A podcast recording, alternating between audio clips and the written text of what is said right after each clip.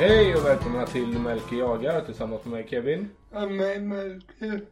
Idag har vi en liten specialavsnitt med gäst till podden. Vi har nämligen med Kjell. Välkommen Kjell. Tackar. Hur är läget Kjell? Jo då, det är lugnt. Känner du dig eh, nervös idag eller känns det okej? Ja, jag är nervös. Ja det är bra. Sitter och skakar. Ni som har hängt med podden här ett tag vet ju vem Kjell är men om det är någon som är ny och lyssnar så eh, du kan väl dra lite kort först Melker vem Kjell är för dig och så får, får Kjell presentera sig sen. Ja men Kjell är en sån person som har introducerat jakten för mig redan. Så jag började vara med och jaga första gången när jag var med och jagade så var det med Kjell. Jaktmentor. Ja det kan man säga. Eh, Ja men vad kul. Då tänker vi att Kjell du får presentera dig själv också. Vem är du? Ja, jag heter ju Kjell Karlsson och jag har bott i Hagna i hela mitt liv. Och ja, började att jaga kanske när jag var 15 år, 16 år så är jag kanske. På eget bevåg eller? Det var väl både min far och farfar och en massa andra släktingar höll jag att säga som gjorde att eh, man kom med i det hela. Och sen har det fortsatt. Eftersom det är en, en podd som är fokuserad på jakt så tänker vi att det är det vi fokuserar på med dig idag också. Och eftersom det är den relationen du och Melker har. Eh, och vi tänkte börja med en fråga där och det är just eh, hur, hur jakten började för dig och varför du fastnade för jakten så som du har gjort. Ja, det är svårt att säga men bor man på landet så här och som vi hade ingen bil eller någonting och sånt där och man blev medbjuden på några jakter och fick gå vid sidan om utan någon bössa så tänkte man att det vore allt roligt att och få jaga fullt ut någon gång också. Så när man, på den tiden då kunde man ju skaffa ett vapen eller låna eller hur som helst. Det var inte så noga utan man var med och jagade helt plötsligt bara. Det var inte så, det var inte så knussligt. Nej, det Nej. var det inte. Vad härligt. Men du har ju berättat för mig att din far han säger dig nej till skogen väldigt tidigt i en väska. Ja, han hade en mes på ryggen, en sån där ryggsäck med stålställning och den, ja, jag var kanske en tre, fyra år eller någonting sådär. Då fick jag hänga med och sitta i ryggsäcken och sen när jag ville gå ur och hund var trött, han jagade med taxar och stövar och grejer. Då fick hund åka i ryggsäcken och jag fick gå. Det var, det var i den ryggsäcken du startade din jaktkarriär. Ja, ungefär. Ja, man har fått vara med hela tiden i alla fall ifrån den man föddes nästan. Ja det är så. Man är ju uppfödd på, på viltkött. Härligt. Och när vi ändå pratar om, om eh, viltkött, minns du första viltet du fällde själv? Ja, jag minns att min far han eh, hade väl någon hund men den ha- hade vi nog inte med då i alla fall. Han skulle driva på mig en hare och min farfar var med också men jag fick mig en bössa och stå med och med. Det. Jag hade aldrig övningsskjutit eller något sånt där vidare. Och jag såg ju haren komma i full fart och jag tryckte av det jag tyckte det var men haren han bara ökade farten. Och sen var det väl kanske när jag var, jag var nog 17-18 år eller något, då sköt jag min första åbock där vet jag. Det var det, det var nog ett det första, räv kanske då. Ja. Och eh, den, den tog ni vara på så du fick äta den också sen? Ja, råbocken men räven den tror Nej, räven förstår jag. nog inte att vi åt. Nej det var råbocken jag tänkte på. Eh, Fast det vet man inte. Ni äter ju bäver. Det hade inte jag en aning om att man kunde äta. Så. Nej, det... Ja, jag stekte bäver en gång och det tyckte jag blev ganska bra. Jag tog bara skinkor då liksom och skivade upp dem och stekte. Ja. Det var en kväll när vi spelade poker hemma. Jag talar inte om sen om vad det var för kött men det var min första bäver jag sköt. Och Ja. Alla åt upp i alla fall och tyckte det var bra. Så.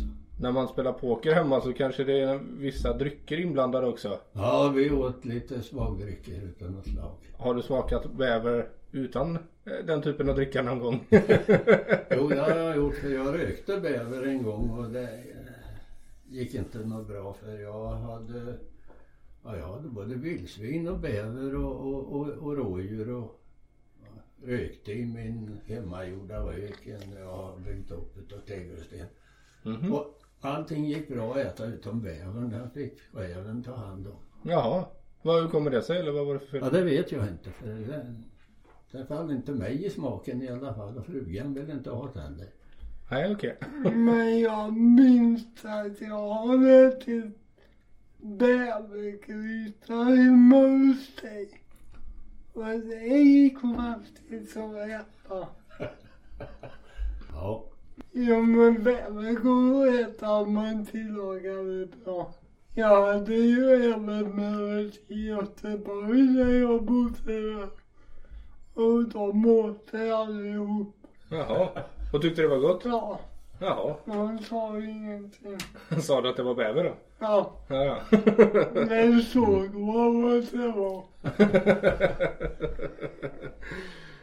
Vad är det roligaste med att vara ute i skogen och jaga?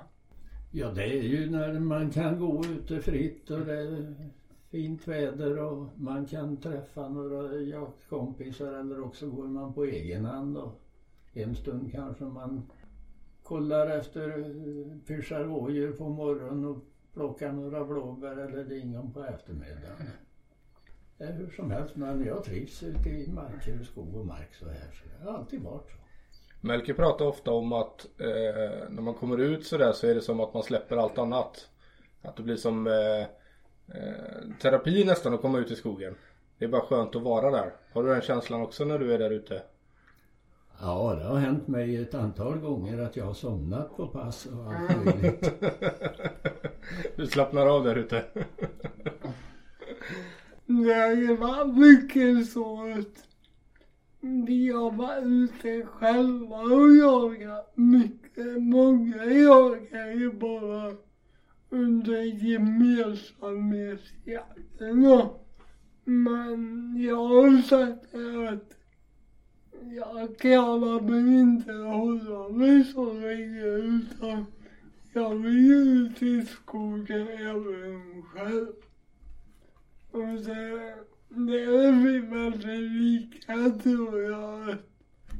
Jag har ju jagat mycket ensamma med och suttit och pyssjat på min råbock eller vildsvin eller sådär. Ja just det. Det finns ju folk som jagar en vecka om året och det är älgar. Ja. Men det är inte jag. Nej. Och Kjell är väl likadan. Ute jämt i skogen. Ja, mycket i alla fall. Ja. När jag inte jagar så är jag där och tar ner lite ved och grejer och allt sånt där och kör hem. Och... Ja för du har väl jobbat i skogen va? Alltså tidigare? Ja, jag jobbade i skogen i 17 år i Forsvik. Jaha. På det gamla eh, bruket där tänkte jag säga. Ja, Men- bruket var det. Det var ju på, i skogen eller till sågverket då. Ja, till sågverket precis. Eh, I förra avsnittet så pratade vi om eh, vakjakt och då sa Melker att det var hans absoluta favoritjakt. Eller en utav dem i alla fall. Ja, För att den passar dig så bra. ja. Och då tänker vi eh, frågan till dig. Vil- vilken är din favoritjakt? Vilken typ av jakt är det du gillar mest? Det är svårt att säga för att eh, Melker och jag vi var uppe i Sveg och skulle jaga älg och vi har varit på eh, ut och tittat efter bockar och vi har varit ute och tittat efter vildsvin och allt möjligt och det, ja, det fungerar allting. Ja. Det, det är roligt bara man kommer ut sig. Ja, Ja, ja vad härligt. Det, det är olika tider på året med vad man riktar in sig på att jaga. Det är ju det som är så härligt med Sverige. Det finns så mycket olika viltarter och jaktformer att jaga. jakten blir rolig oavsett lite vilket val för att det blandas upp lite? Ja, Ja, just det. det är väldigt stort utbud.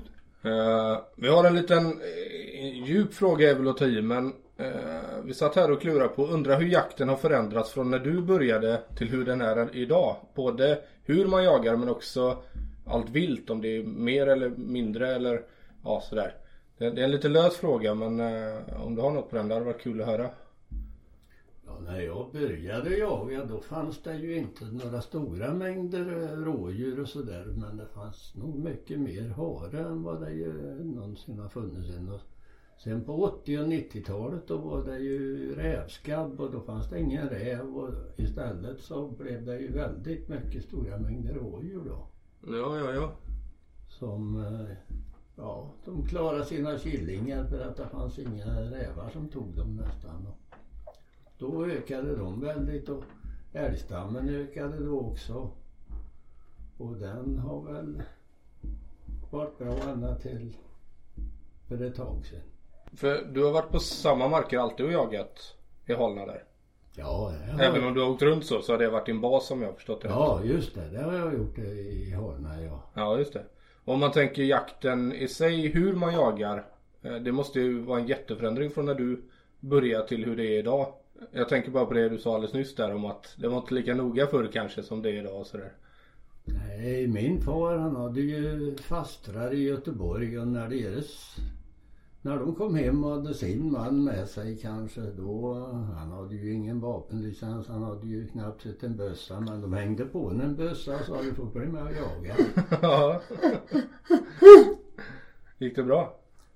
Ja, ja, det var väl min äldsta kusin då, han är 94, 95 år i dagens läge. Han, han be- bekände ju senare att när hund, farsans stövare jagade för fullt i alla fall och då så säger han sen när han sköt ett skott att jag sköt på haren. Det var konstigt som min far sa, han jagar räv. Men det var så att hund kom ut på vägen och small det så hund, den hunden jagade aldrig mer när det var någon mer i skogen än när farsan var ensam. Jag förstår det. Eh, Det var ju ganska roligt. Men vad tycker du om eh, att det är mer reglerat och sådär? Tycker du att det är positivt eller, eller negativt eller både och kanske? Eh, nej, jag kan inte se något positivt i det hela för att vi har hållit på och räknat älgskit och grejat och att älgskötselområde till sist så fick vi inte ens ett, en älg på licens och där sprack vårat jaktlag och det, det låter ju inte så vidare bra. Nej, älgstammen var ju minskat kraftigt i hela landet.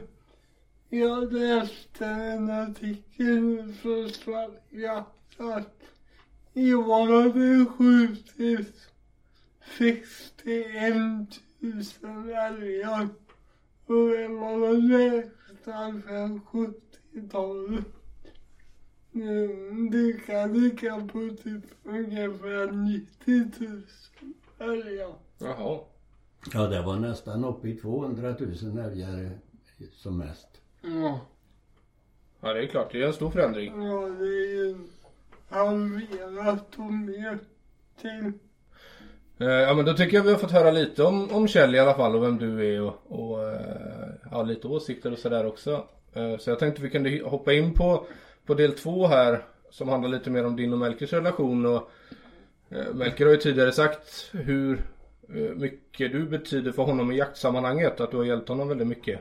Ehm, Och det, det har väl kommit fram både en och två gånger hur mycket det uppskattas från Melkers Ja. håll. Och då tänker vi att eh, det hade varit kul att höra lite från början från er båda två då.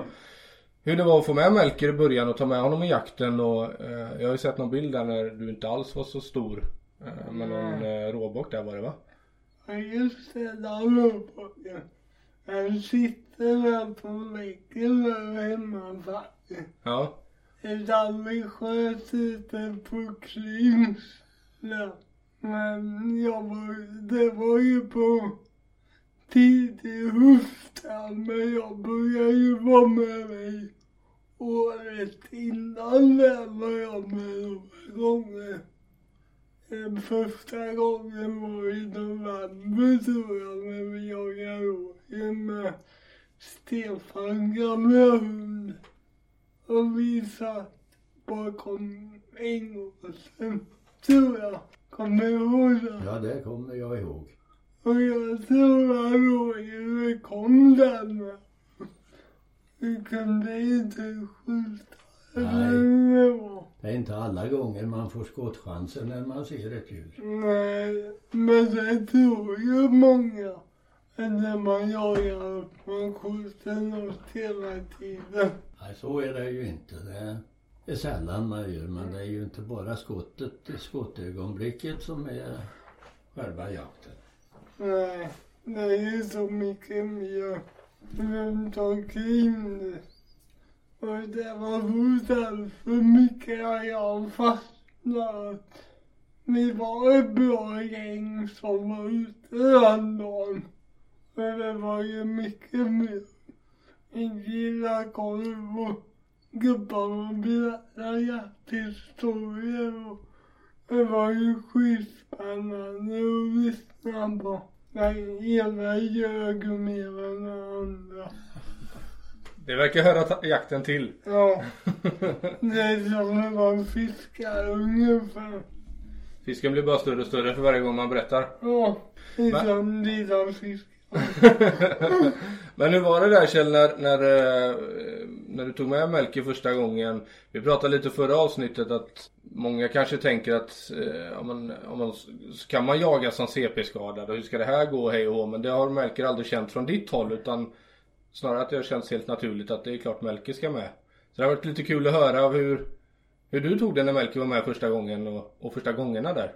Ja, då kan jag börja med att säga som så att jag har ju en son och en dotter och de är inte något intresserade av att jaga.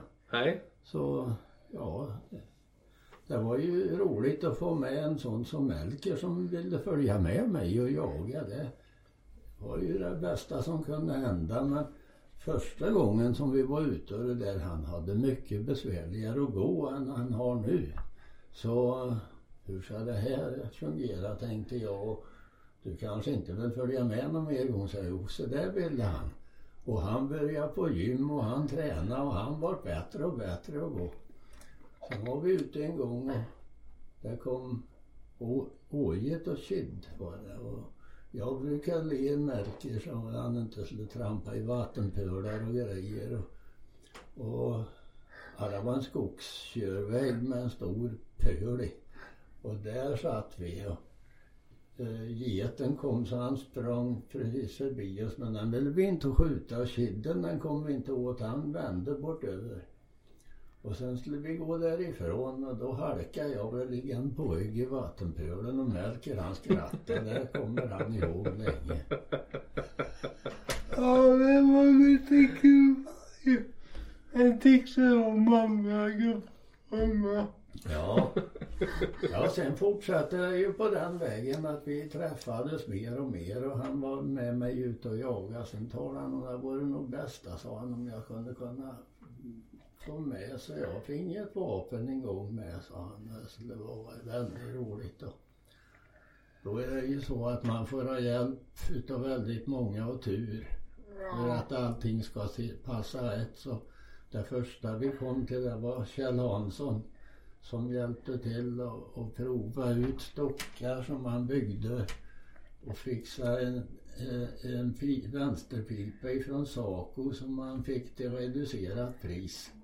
Och ja, till sist när vi hade provat den många gånger så hade vi ett vapen och åkte hem. Ja, det var ju så jävligt tur att han bodde här nere. Han kan ju bort långt bort men jag hade ju tur att ha en vapensmed så nära som kunde det här. Ja, han bodde ju i Lyrstad och, och sen jobbade han två dagar i Stockholm med, Ja. så vi fick ju passa på det när han var hemma. Så Ja. Och det, det gick ju. Sen när när kolven och det var klart så var det någon som hjälpte till att lackera kolven och grejer. Det var mycket sånt där. All, alla hjälpte till. Jag hade en gammal kikarsikte, det fick Melker som hade legat hemma. Och det har han på än. Det funkar bra. Jag, jag har skjutit en del det nu. Ja, Men det går, det går bra än. Ja. Ja, sen fortsatte det ju då så sen eh, började han jobba och träffade Robert som är hans chef och han ställde också upp på Melker och eh, vi sköt och jag- fick ha vapnet skrivet på mig för annars så gick det ju inte. Han, han fick ju inget vapen så, eh, utan licens. Och li, licensen fick han inte utan att skjuta upp. Just det. Så då skrev vi vapnet på mig först och sen eh, övningssköt vi väldigt. Och sen kände han en instru- skytteinstruktör som, eh, ja var bodde han? Vi träffades borta Skövdehållet där borta i alla fall många gånger och han var jättebra. Sen byggde han ett jakttorn åt dig och sen fixade han till så att vi fick skjuta i Tibro och det blev godkänt. Där hade vi hela köret. Ja. Det måste varit ett jättejobb tänker jag. Ja, det tog tid allt det här, men det Melker envis. Ja, men innan vi förstod hur vi skulle göra. Det var ju det som var problemet i början. Men sen löste sig ju det med. Och så gick det ju som på rälsar. Men vi har ju tränat mycket. Både skytte och vapenhantering och grejer. Det kommer jag ihåg i början sköt så repeterade jag inte om. Kommer du ihåg det? Ja. Utan det sa alltid samma gång. Vi måste repetera om. Vi kan sitta i mikrofonen bara. Bra tränare. Ja. Ja, vad härligt. Eh, Jag hade velat höra och jag tror eh, de som lyssnar hade velat höra om ni har något jaktminne som sticker ut. Ett gemensamt jaktminne. Det behöver inte vara samma utan det kan vara varsitt men om det finns någonting som ni kommer ihåg väl från, från era resor ihop i, kring jakten. Ja, jag skulle kunna börja och det, var en kväll i augusti när vi var ute och skulle jaga bock. Jag vet att Kjell ringde mig på kvällen och frågade om jag skulle med och det var varmt och fin kväll och nästan vindstilla så vi åkte upp eh, till en pass som hette 66 ute på Sätramarken. Kommer du ihåg det? Ja. Och vi gick över mossen där. Där kan man tycka på att du pratade förut att jag går bättre i skogen. Men där fick jag kämpa lite för att komma ut till passet. Och vi satsade ett tag och sen så då jag, jag kunde börja locka med lockpipan. Och då efter så, så kom det en bock i kanten på riket. Och då sa tjänstemännen att nu får vi sluta locka utav dem så får vi se vad som händer. Mm. De som inte vet är att de rådjuren blomstrar ju i augusti och då kan man locka på dem med olika lockpipor. Mm.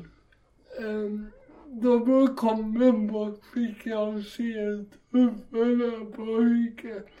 Och han stod där och kollade, kollade på oss och Sen kom man lite närmare och stod bakom och och grejer.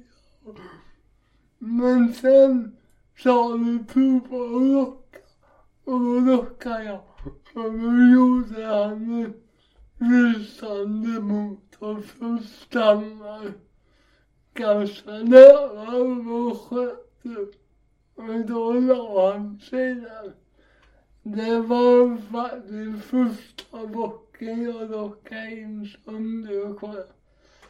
Sen fick vi släpa både mig och bocken Ö- över de över de mossen. Ja, men Melker var envisare än bocken i alla fall i det läget. Det är ganska bra. Ja. Men det kommer du ihåg med. Ja, jag kommer ihåg eh, ett eh, där vi såg det första vildsvinet på pass 29 och ja, vi blev så överraskade och det försvann också. Det blev aldrig att vi sköt efter det någon gång. Nej. Men eh, på det passet satt du och jag och så kom det en älgko med en kalv där. Och det var, vi hade nog bortåt 100 meter och då eh, sköt jag kalven där. Och Ja. han blev liggande. Vi väntade i tio minuter, en kvart. Och sen gick vi fram och blev inte av med kon. Hon gick runt om oss där. Just det. Det, ville komma dit fler folk och jag sa se upp för kon, han är inte att leka med, han har öronen bakåt. Och, ja, jag fick ju mer eller mindre följa henne med studsan där. Ja, Melker han hade ju inte tagit sig undan heller och inte jag heller om korna. Hon, hon, hon var inte bra. Det, det är ett sånt minne man har liksom. Då. Ja. Det, jag kommer ihåg det mycket men jag förstod nog inte riktigt allvaret så. Men hon var ju förbannad såg jag ju. Men jag hade ju inte varit med så mycket. Men allvaret förstod Melker en annan gång och då lock, lockade vi inte på någonting utan vi var nere vid eken och skulle titta om vi såg några svin. Ja. Och det kommer ut, först kom det ut, eh, var det tre eller fyra suggor eller något sånt där och så, eh, ja var det 15 smågrisar eller något. kom en hel jävla rad emot oss. Och vi satt i en liten holme där. Och där skulle ju de springa i land så jag fick ju resa mig upp när när sog, närmaste Sogga hade ju mellan fem och åtta meter ifrån oss där. Jag ville ju inte skjuta någon Sogga men jag var ju tvungen att ge mig till känna. Och då frågade jag Melker, var du rädd? Ja, lite så. Det var ingen liten sugga. Jag hade ju som upplevelse i fjol när vi jagade. Det var så jävla kallt så min släppte ju ingen hundar så Stefan gick ju ett rev i tjurhagen och det kom tre grisar till dig och de ropade på mig på radion för du kunde inte skjuta. Och då kom de till mig, rakt emot mig och stannade på åtta meter. Men då fick de undan. Men det var så som en pusshöjare. ja men det är ju som att det kommer eh, ett gäng pansarvagnar springandes mot dig. Ja. Det bara vibrerar sådär i marken. Ja, och låter jag och. Ja, där ser ni vad Melker har åkat in i. Ja. Men första gången jag fick den riktiga pulsen, det var när vi kunde jaga rådjur där. Med Stefansson som vanligt. Och så kunde vi sitta ute i ängar. Och så stod det kor och kalvar. Och vi hade väl kalvar kvar på distansen tror jag för du hade strossan med mig. Och då kommer jag ihåg att du sa det vore ju kul om vi kunde skjuta en älg. Och det var första gången jag fick den riktiga pulshöjaren. Men vi kom aldrig kalven, tyvärr. Det blev ingenting? Nej, Nej, okej. Men vi det- hade klartecken på kon på det. Men alltså det ville inte skjuta liksom. Och kalven antingen var han framför eller också var han bakom kon. Och jag, ja, det blev aldrig något skottillfälle på det. nej, nej, det är väl så ibland tänker jag. Ja.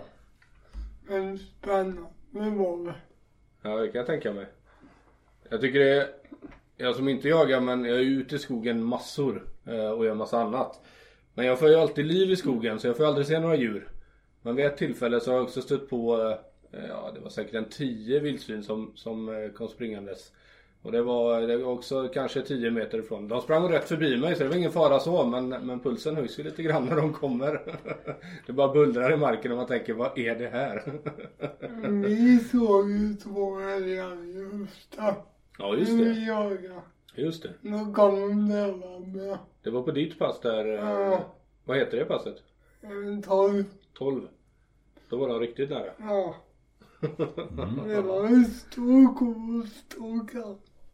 Så det var kul. Ja, verkligen. Tycker du det är någon skillnad Kjell på att jaga djur och djur? Alltså eh, är det stor skillnad på, på de dagarna man jagar älg från att man jagar, eh, ja vad det nu kan vara, räv eller någonting annat? Och, och är det någonting du tycker är roligare än något annat? Nej, sj- själva jakten är väl lika rolig höll jag på att säga. Men det är ju enklare att jaga räv än älg. För så fort man har skjutit på en älg sen börjar ju jobbet med att man ska ta hem älgen och man ska ta ur älgen. Ja, man ska det. slå älgen och stycka och hänga upp. Sitter man ibland då och tänker hoppas det inte kommer en älg? Nej men det har faktiskt hänt att när man är på hemväg och, och får se ett djur som man har varit ute och tittat efter och tänker det är för sent för idag, det här vill jag inte hålla på med. Nej det måste ju vara ett hästjobb att ta hand om. Ja, Det är ju hur mycket kött som helst och, och så på en sån där. har jag varit med ute i mossar och hämtat älgar med ficklampor på nätter och det är inte något sådär riktigt trevligt. Jag tänker mig, eller man, eh, man ser ju ofta folk, de hämtar ju med fyrhjulingar ofta ser man. Hur gjorde man förr? Ja, antingen så fick man vara eh, många gubbar med ett långt rep och dra och försöka styra emellan stock och sten eller ja, på något annat vis. Det måste ju varit jättejobbigt. Ja, Det hade ju tagit en hel dag bara det tänker jag. vi var ett gäng ute och jagade vet jag. Det var rekordvarmt. Det var 21 grader varmt i augusti då. Och, och brorsans pojk sköt en älgtjur. Och den där den fick vi dra långa stycken. Och jag tror vi var 12 man eller någonting att dra och jag hade en pilsner som skulle försöka dela. Det räckte inte så långt förstår jag. Nej, det var svårt. Jag trodde du sprang framför alla de andra med pilsnen. så att de hade lite motivation. Ja, det är, det är minnen man kommer ihåg. Ja, det förstår jag. Men det måste vara uppe i norra Sverige i september var det. Nej, det var i oktober här. Var det 21 grader? Ja. Oj, oj, oj. Hur är det, fis- fiskar du någonting också eller? Ja, jag får vara med. Min son har ju blivit fisketokig. Ja, det har han.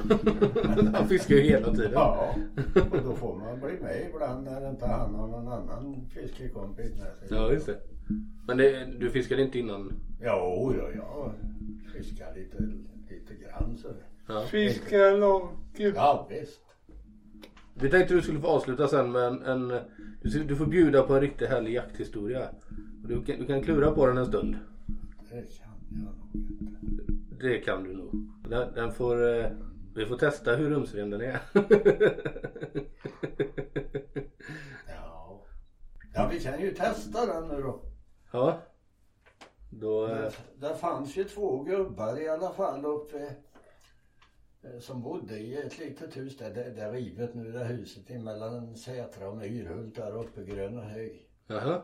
De köpte upp rävskinn och grejer och sånt där. Och Och ja, det var många historier om de där gubbar och jag var där och högg ner virke åt dem där vet jag. Sen blev Ja, det kom bort virke, det var inte mycket grejer. Men sen var det så att en hemma hade skjutit en stor fin räv. Ja. Och jag hade fått en räv som jag hade tagit i en fälla vid ett gryt vi hade jagat in. Och han var ju liten och jordig och ful i alla fall. Så vi slängde fram våra rävar in till varandra där och, och så får de värderade. Ja. Och Gerhard han sa det, ja det var ju en fin räv det där men han är fet sa han den där stora grannen då. Han var ju alltid något fel så här. Men eh, du kan, du kan få 100 kronor för den sa han. För den. Nej, sa den andra, jag vill ha 120 kronor. Nej, sa han, det får du, det får du inte för då får, nej det bjuder inte jag sa. Nej, han fick ta 100 kronor då. Och den där lille fulen sa han, den vill jag inte, den vill jag inte ha sa han. Ja. Om den jag hade tagit då. Nej visst sa jag. Så jag tog ju och även i bakbenen och skulle kasta in den i bil och tänkte han trodde han skulle få den liksom men Ja. ändå då. Men ja du får 80 kronor för den sa Då vart ju den andra gubben tokig. Vi är 80 kronor för den där. 100 Fick han upp priset på den till slut? Nej, det var ju de priser som blev. Jag satt där. Ja.